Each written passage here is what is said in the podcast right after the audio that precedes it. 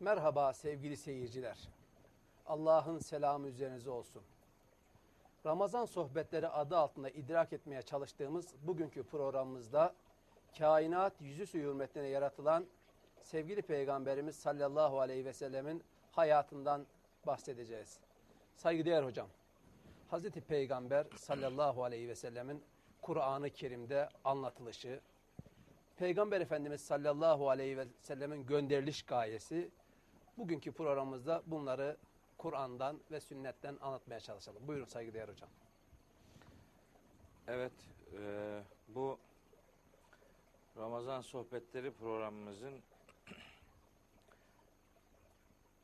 bugüne kadar getirdiğimiz sıralamasında belki bir dönüm noktası oluşturmasını düşündüğüm çok önemli bir konuyu inceleme fırsatı oluşacak inşallah.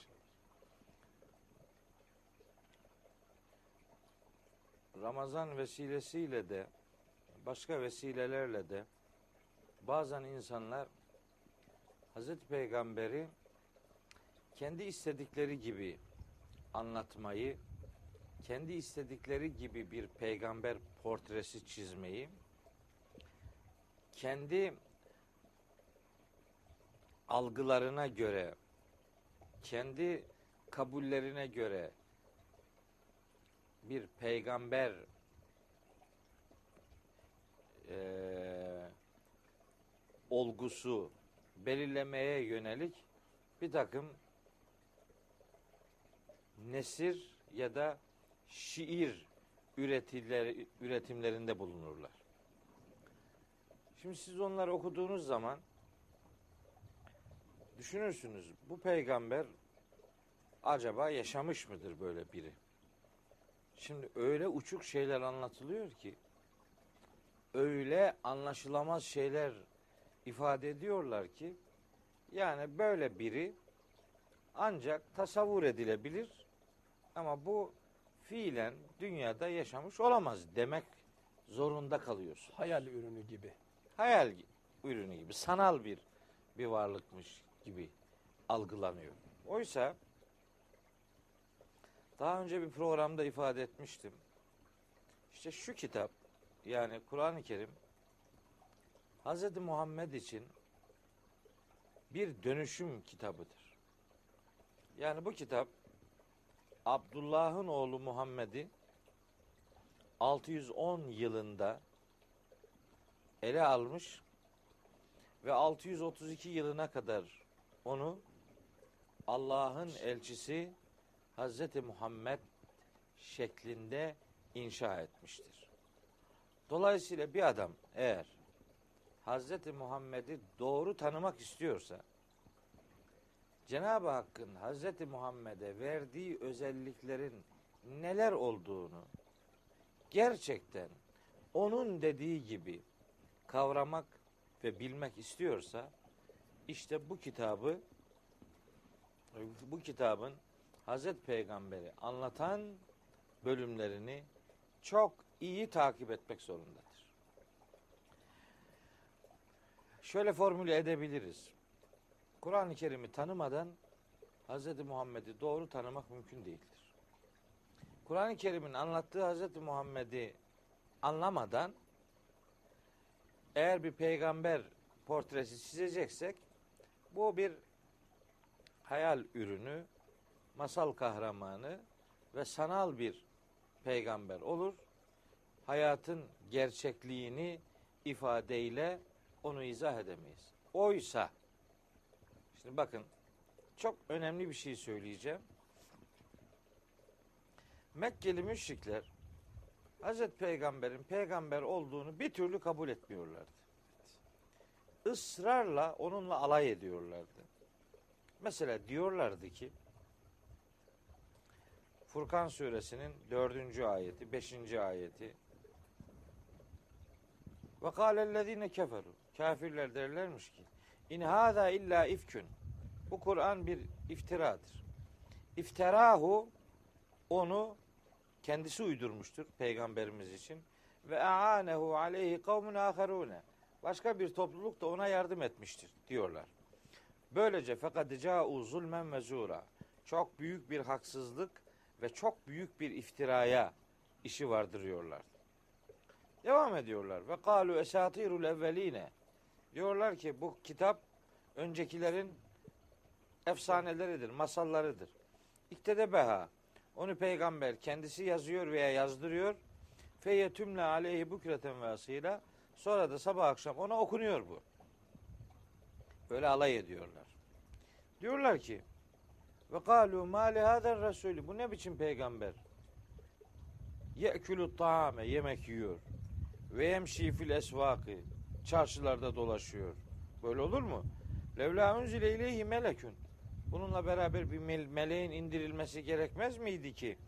Feyekûne ma'hu nezira. O melek de onunla beraber uyarıcı olsun. Ev yulqa ileyhi kenzun veya bunun hazineleri olması gerekmez miydi? Ev tekûnü lehu cennetun. Onun bir bahçesi olmalı ki ye'külü minha o bahçeden özel bir bahçeden yemek yemeli değil miydi?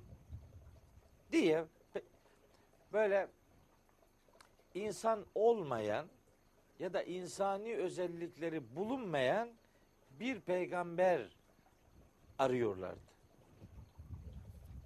Onlar bir meleğin peygamber olmasını istiyorlardı. İnsan peygambere gönülleri razı değildi. Ama bu kabulü Yüce Allah kendisi cevaplıyor. İsra suresinde buyuruyor ki gene onların bir karşı çıkışını önce dillendiriyor sonra cevap veriyor. İsra 94. ayette diyor ki ve ma mena'an nase en yu'minu iz ca'ahumul huda. Kendilerine hidayet gelmesine rağmen bu insanların iman etmesine engel olan şu sözleriydi. İlla en kalu. Şu sözleri. Neymiş sözleri? Ebe'atallahu beşeren rasula. Allah bir insanı mı peygamber olarak gönderdi? İstemiyorlar insan peygamber. Niye istemiyorlar? Çünkü eğer peygamber melek olursa o zaman bahaneleri hazır. Biz melek gibi olamayız ki. Biz meleği nasıl örnek alacağız? Biz kimiz ki melek olalım? Dolayısıyla onun örnekliğini yaşanamaz bir motife e, gömecekler ve sonra kendi istedikleri gibi esip savuracaklar. Cevabını Yüce Allah şöyle veriyor. Buyuruyor ki Kul de ki sen onlara Lev kâne fil ardı melâiketun yemşûne mutmainnin. Eğer yeryüzünde melekler geziyor ve yeryüzünün sakinleri melekler oluyor olsaydı lenezzelna aleyhim mines semai meleken resula. Biz de onlara gökten bir melek peygamber indirirdik. Bir peygamberin insan olarak belirlenmesinin sebebi onun insanlara örnek olmasını sağlamaktır. Kur'an-ı Kerim'de pek çok yerde innema ene beşerun mislüküm diyor Cenab-ı Hak. Peygamberimize dedirtiyor. De ki ben de sizin gibi bir insanım. Hep ona vurgu yapılıyor. Farkı vahye muhatap olmasıdır. Alınan vahiylerin insanlar için dünya hayatlarında yaşanabilir ve uygulanabilir prensiplerden oluştuğunu göstermek için bir insan peygamber seçilmiştir. 13. Allah Ahzab suresinin 21. ayetinde Hazreti Peygamber'in örnekliğine şöyle vurgu yapar. Lekad kâne leküm fî Rasûlillâhi usvetun hasenetun. Limen kâne yercullâhe vel yevmel âhire ve zekerallâhe kesîrâ. İçinizden Allah'ı ve ahireti umanlar ve Allah'ı çokça zikredenler için Allah'ın elçisinde sizin için en güzel örneklik vardır. Örnek olmak aldığı vahyi kendi hayatında uygulamak demektir. Aldığı vahyi kendi hayatında uygulayan peygambere diğer insanların uymasını sağlamak demektir. Bakın Ali İmran suresinde Yüce Allah buyuruyor ki peygamberimize yönelik ve bütün ümmeti ilgilendirecek şekilde bilgilendirme yapıyor. 31. ayeti Ali İmran suresinin. Kul de ki insanlara İn kuntum tuhibbun Allah. Siz eğer Allah'ı seviyorsanız fettebi'uni bana tabi olun, benim peşimden gelin ki yuhibbukumullahu Allah da sizi sevsin. Bakın peygamberi sadece e, kurtulup kurtulabilmek için sadece Allah'ı seviyorum demeyle olmuyor bu. O sevginin gerçekten samimi olup olmadığını gösterme anlamında bir tabiiyet yani bir peygamberi izlemek görevi var. İzlenebilir bir biri insan olmak zorundadır. Onun için Hz. Muhammed insan bir peygamberdir. Bütün peygamberlerin olduğu gibi. Hocam bir şey sormak istiyorum. Tabii belki açıklayacaksınız ama bende bir soru işareti oluştu. Hazreti Peygamber peygamberlik gelinceye kadar Mekke'de en güvenilir insandı. Hatta el emin sıfatı kendisine halk tarafından verilmişti. evet. Emanetler kendine veriliyordu bizzati. Gelince de Hazreti Peygamber'den ki o zaman peygamber değildi. Abdullah'ın oğlu Muhammed de ondan alınıyordu. Emanetler tabi hiç zayi olmadan, eksilmeden geri iade ediliyordu. Tüm bunlara rağmen peygamberlik geldiğinde ki peygamberlik gelmeden önce de Mekke'nin en dürüst insanıydı. Neden peygamberlik gelince o onun yanında hatta ona güvenen, inanan Ebu Cehil, Ebu Leheb gibi nice insanlar neden karşı tarafta saf aldılar ve Hazreti Peygamber'in peygamberliğini kabul etmemek için işte az önce Furkan suresinde anlattığınız şekliyle niye melek olmalıydı, işte bahçesi olmalıydı gibi niye böyle iddialar ortaya attılar? Çünkü onlar bir defa bir insanı peygamber kabul etmekle kendi otoritelerinden olacaklarını biliyorlardı. Dünyada otoritenin ilahi kaynağa ait olduğunu, Allah'a ait olduğunu böylece kabul etmiş olacaklar. Kendi itibarlarının sahip oldukları otoritenin onlardan gideceğini düşünüyorlardı. Bu dinin insanlar arasında ayrım yapmadığını, onların da diğer insanlar gibi birer insan olmalarını istediğini, gerektiğinde mallarıyla, gerektiğinde canlarıyla fedakarlık yapmalarının onlardan isteneceğini biliyorlardı. Bir de aslında onlar peygamberliği melekte bekliyorlardı. Hani onu örnek almak mümkün değildir bahanesini ortaya koymak için.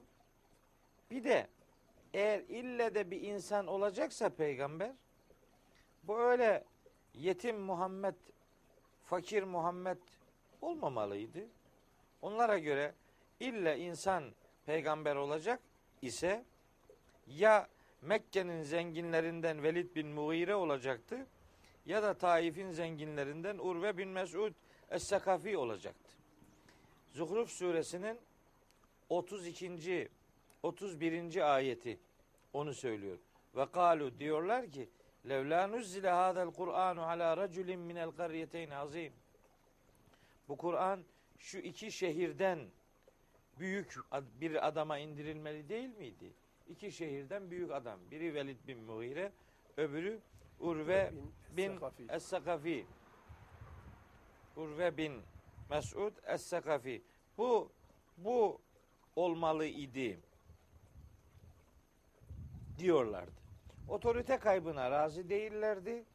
Gariban birinin zengin olmayan, şöhretli olmayan birinin peygamber olmasını, onun peşinden gitmeyi gururlarına yediremiyorlardı. Bir de bu peygamber gelir gelmez tek Allah inancını etrafına yaymaya gayret ediyordu. Oysa onlarda çok derin bir putperestlik ve muhteşem bir şirk inanışı vardı.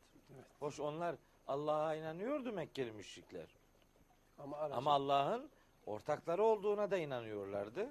O ortakların onlar için bir torpil aracı olacağını kabul ediyorlardı. Kendilerine göre değer verdikleri hemen her şey Hz. Muhammed'in getirdiği, tebliğ ettiği bu dinle alt üst olacaktı. Sonra onlar fakirleri doğru düz insandan saymıyorlardı. Sonra onlar kadınları insan diye algılamıyorlardı. E bu din kadınlara layık oldukları, hak ettikleri değeri veriyor. Köleleri, cariyeleri, fakirleri toplumun diğer kesimlerinden ayırt etmeyen esaslar getiriyordu. Bu kalıplaşmış, körelmiş, köhneleşmiş ama çok yerleşmiş yanlış inançlardan kurtulabilmek epey bir irade gücü gerektiriyordu. O itibarla onlar Hz. Muhammed'in risaletini bir türlü hazmetmeye yanaşmıyorlardı. Ama inadına ve ısrarla Allahu Teala Hazreti Peygamber'in insan olduğu vurgusunu ikide bir Kur'an'da dillendirmiştir. Hatta biz kelime-i şehadette bile bunu ifade ediyoruz. Eşhedü en la ilahe illallah ve eşhedü enne- Muhammeden abduhu ve resulü. Biz peygamberimizin önce kul olduğu vurgusunu ikrar ederiz, söyleriz. Sonra elçi olduğunu söyleriz. Daha ileri giderek bir şey daha söyleriz. Hz. Muhammed Muhammed kimliğiyle Resulullah Muhammed'e itaat etmek zorundadır. Yani peygamberimiz insan olarak Resul olma özelliğine Cenab-ı Hakk'ın ona verdiği emirlere boyun bükerek o emirleri bizatihi yerine getirme yükümlülüğünün muhatabıydı. Onlarca ayet var. İn ettebi'u illa ma yuha ileyye. Ben sadece bana vahyolunana tabi olurum. Evet peygamberimiz ona vahyedilenleri önce o yapmak zorundadır. Çok çarpıcı örnek olsun diye hatırlatmak isterim sevgili kardeşlerime. Hani yatsı namazlarından sonra Ramazan'da işte vitir namazından sonra, teravihten sonra Bakara suresinin son iki ayeti okunur. Amener Resulü diye. Evet. Onun birinci cümlesi aslında benim şimdi söylediklerimin özetidir. Buyuruyor ki Yüce Allah. Amener Resulü bima unzile ileyhi min rabbihi vel müminun. Resul yani peygamber kendisine indirilene önce kendisi inandı, sonra müminler inandı. O ona indirilene önce o inanmak zorundadır. Çünkü kul Muhammed Resul Muhammed'e uymak zorundadır. Onun için Hazreti Peygamber'in insan olduğunu hatırdan çıkartmamak lazım. Onun farkı kendisine gönderilen vahiylere muhatap oluşudur. O mahi, o vahiyler vahiyleri alma noktasında donanımlı hale getirilmiş olmasıdır. Ama neticede o da bir insandır. Onun da diğer insanların yaptığı türden hayatını devam ettirebilmek için pek çok pratikler ortaya koyduğunu bilmek durumundayız. Peki niye gönderildi diye bir soru sormuştunuz. Peygamberimizin misyonu nedir? Biz kendi kafamızdan yeni bir misyon üretmeden onu gönderen varlık ona hangi misyonu verdiyse onu ifade edelim. Bilmiyorum tabi bu program e, yetişecek mi? Yetişsin ya da yetişmesin. Artıyorsa bir Devam. sonraki program devam ederiz. Çünkü çok önemli bir konuda konuşuyoruz. Biz istediğimiz gibi peygamber anlatamayız. Allah onu nasıl anlattıysa öyle anlatacağız. Biz bunun muhatabıyız. Biz peygamber tasavvur edemeyiz, üretemeyiz kendi kafamızda. Peygamberimize Cenab-ı Hak hangi özellikleri ve misyonu verdiyse biz onu öyle tanımak mecburiyetindeyiz. Allah'ın verdiği özellikleri yeterli görmeyip yeni özellikler ilave etme hakkına sahip değiliz biz. Şimdi sayalım. Ahzab suresinin 45 ve 46. ayetleri. Peygamberimizin özelliklerinden 5 tanesini sayar. Nedir bunlar? Estağfirullah. Ya eyyühen nebiyyü. Ey nebi. İnna erselnake. Biz seni şu özellikte gönderdik. Hangi özellik? Şahiden. Şahit olacaksın. Ne demek şahit? Tabi şahitle şahit kelimesini görünce daha bir sürü ayet okumak lazım. Öyle hemen şahit demeyle geçemeyeceğiz. Bu ayetlerden biri Bakara suresi 143. ayet. Orada diyor ki Yüce Allah ve kederlike cealnâküm ümmeten vesata. İşte böylece biz sizi orta dengeli bir ümmet yaptık. Litekûnû şühedâ a'len nâsi. Siz insanlara şahit yani örnek olacaksınız ve yekûner rasûlü aleyküm şehîdâ. Resul de size şahit olacaktır. Size örnek olacaktır. Peygamberin şahit olması demek örnek olması demektir. Dünyada peygamberin şahitliği peygamberin ümmetine, ümmetinin de diğer ümmetlere, diğer insanlara örnek olması demektir. Peki bu şahitliğin ahirete uzanan tarafı var mıdır? Vardır. Vardır. Ahirete yönelik şahitlik işte Nisa suresinde buyuruyor ki Yüce Allah. Fekeyfe izâ ci'nâ min küllü ümmetin bi şehidin ve ci'nâ bike alâ haulâi şehîdâ. Nisa suresi 41. ayet. Her ümmetten bir şahit getirdiğimizde seni de bunlar hakkında şahit getirdiğimizde durum nice olacaktır. Peygamberler ruzi mahşerde ümmetleri yargılanırken duruşmanın şahitleri olacaklardır. Şimdi dünya hayatında günah işleyenler duruşmada şahitlerinin peygamber olduğunu unutmasınlar. Melekler de şahitlik edecekler, peygamberler de ümmetlerine şahitlik edeceklerdir. Bir peygamberi sevdiğini iddia eden bir adam, onun getirdiği dini yaşamada tereddüt gösterirse, Ruzi Mahşer'deki yargılamada şahitlerin başında peygamberimizin olacağını ve onun yanında hesap vereceğini bilmek durumundadır. Peygamberin bir özelliği bu. Bir Şahit değil, olması. şahit olmak. Şahidin iki anlamı var. Evet. Dünya için örnek olmak, Ahiret ahiret için için, şahit. şahit. olmak. Başka ayetler de var. Nahil suresinden okuyacağım ama artık onları bırakayım. İki. Ve mübeşşiren. Müjdeleyici. Müjdeleyici olmak. Neyi müjdeleyecek? Hemen söylüyor bir sonraki ayette. Ve beşşiril müminine bi enne lehum minallahi fadlan kebira. Müminlere Allah'ın onlara vereceği büyük bir ödül olduğunu müjdele. İşte o ödül önce cennettir, sonra Cenab-ı Hakk'ın o müminlerden razı olmasıdır.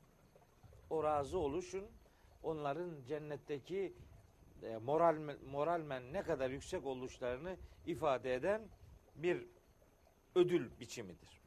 Müjdeleyecek. Cennetle müjdeleyecek.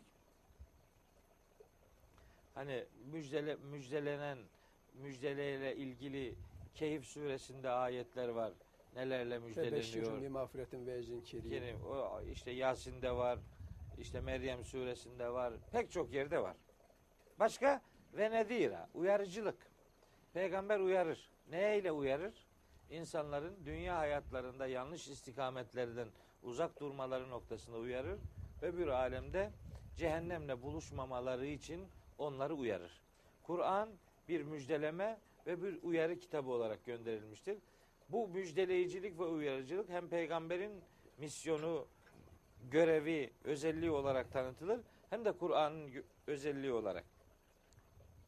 Dört. Peygamberimizin şimdi başka bir özelliği, başka bir görev. Ve da'iyen ilallahi bi iznihi. Ne demek bu? Allah'a Allah'ın izniyle Davet eden. Bakın Ahmet Bey, Peygamberimiz insanları kendisine davet etmemiştir. Peygamberimiz insanları Allah'a davet etmiştir. Allah'ın izniyle Allah'a da. Allah'ın izniyle Allah'a davet etmiştir. Kendi katkısı yok. Ne demek istiyorum biliyor musunuz? Şimdi bugün kendi cemaatine, kendi tarikatına, kendi mezhebine, kendi grubuna, Davet kendisine, kendi yayın evine, kendi gazetesine, kendi dergisine, kendisine, kendi dar dünyasına insanları davet edenlere duyurulur. davet değil. Peygamber bile kendisine davet etmiyordu. Allah'ın izniyle Allah'a davet ediyordu. Tabii hocam bir de şu anda bir de biat var. Davetten daha da ileri bağımlılık, bağlılık var. Şu an günümüzde. Evet. İşte ben bu kadarını söyleyeyim. İnsanlar ne demek istediğimi gayet iyi anlayacaklardır. Hazreti Peygamber Allah'ın izniyle Allah'a davet eden adamdır. Başka taraflara davette olmaz. Benim yazdığım kitabı oku. Benim yazdığım makaleyi oku. Onu. Benim televizyonumu izle. Benim matbaamı takip et. Benim partime oy ver. Benim cemaatime gir. Benim tarikatıma gir. Benim mezhebime gir. Ben ben ben dediği sürece bu ayetten haberi yok bu adamın demektir. Evet. Sonra ve siracen münira. Peygamber etrafını aydınlatan bir kandildir. Kandildir. Işığını Allah'tan alan bir kandildir. Kendisi ışık üretmez. Üretilen ışığın yansıtıcısıdır Hazreti Muhammed. Bu ayetlerde peygamberimizin beş tane özelliği sayılıyor.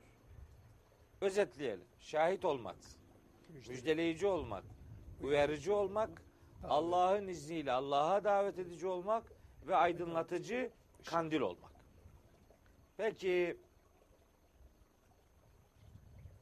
başka? Başka özellikleri Örnek var. Hazreti Peygamberimizin. Bakın. Buyuruyor ki Yüce Allah en önemli görevini izah ve ifade bağlamında bakın ne diyor. Maide suresinin 67. ayeti.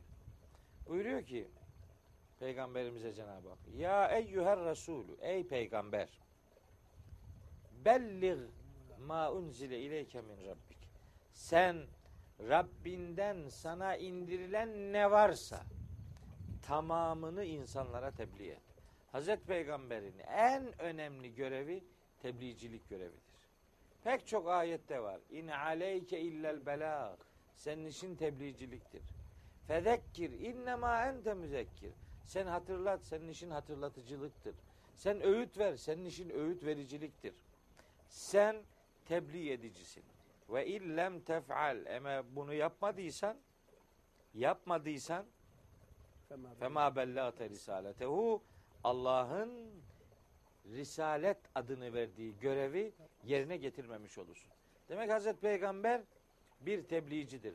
Allah'ın ona verdiği vahiyleri bozmadan, eksiltmeden, eğriltmeden, eğri büğrü göstermeden, oyun ve eğlence haline getirmeden olduğu gibi insanlara hayatında uygulayarak göstermiş ve tebliğ etmiştir. Hayatında uygulamışlık anlamında Hazreti Peygamber'in bir başka önemli görevi de tebyin görevidir. Beyan etmek, açıklamak, ifade etmek. Bütün peygamberlerin böyle görevi vardır. İbrahim suresinin dördüncü ayeti onu anlatır. Daha önce bir programda onu söylemiştim. Ee, onun üzerinde yeniden durmuyorum. Bir başka ayeti hatırlatarak e, bu programı. konuşmayı sonlandırmak istiyorum ama peygamberimizin özellikleriyle ilgili anlatacaklarımız var. Nahl suresinin 64. ayetinde peygamberimize kitabın verilişin gayesinin tebyin olduğunu, beyan olduğunu söylüyor. Yine Nahl suresinin 44. ayetinde de peygamberimizin tebyin görevini yani bu kitabın açıklanmasını, ne demek istediğini hayat pratikleri olarak ortaya koyma görevinin peygamberimize verildiğini ifade eden bir mesaj içeriğine e, Kur'an'da onun böyle bir misyonla programlanmış olduğuna e, tanık oluyoruz. Başka görevleri de var. Araf suresinden ve Tevbe suresinden birkaç ayeti de bir sonraki programda ifadeye gayret edelim. Hocam teşekkür ediyoruz. Sevgili seyirciler, Hazreti Peygamber'in vasıflarından, hayatından bahsettik. Bir sonraki programımızda da yine Hazreti Peygamber'i Kur'an'dan tanımaya, onun yapısını öğrenmeye, vasıflarını anlatmaya devam edeceğiz. Hepinize teşekkür ediyoruz. Bir sonraki programda buluşmak dileğiyle.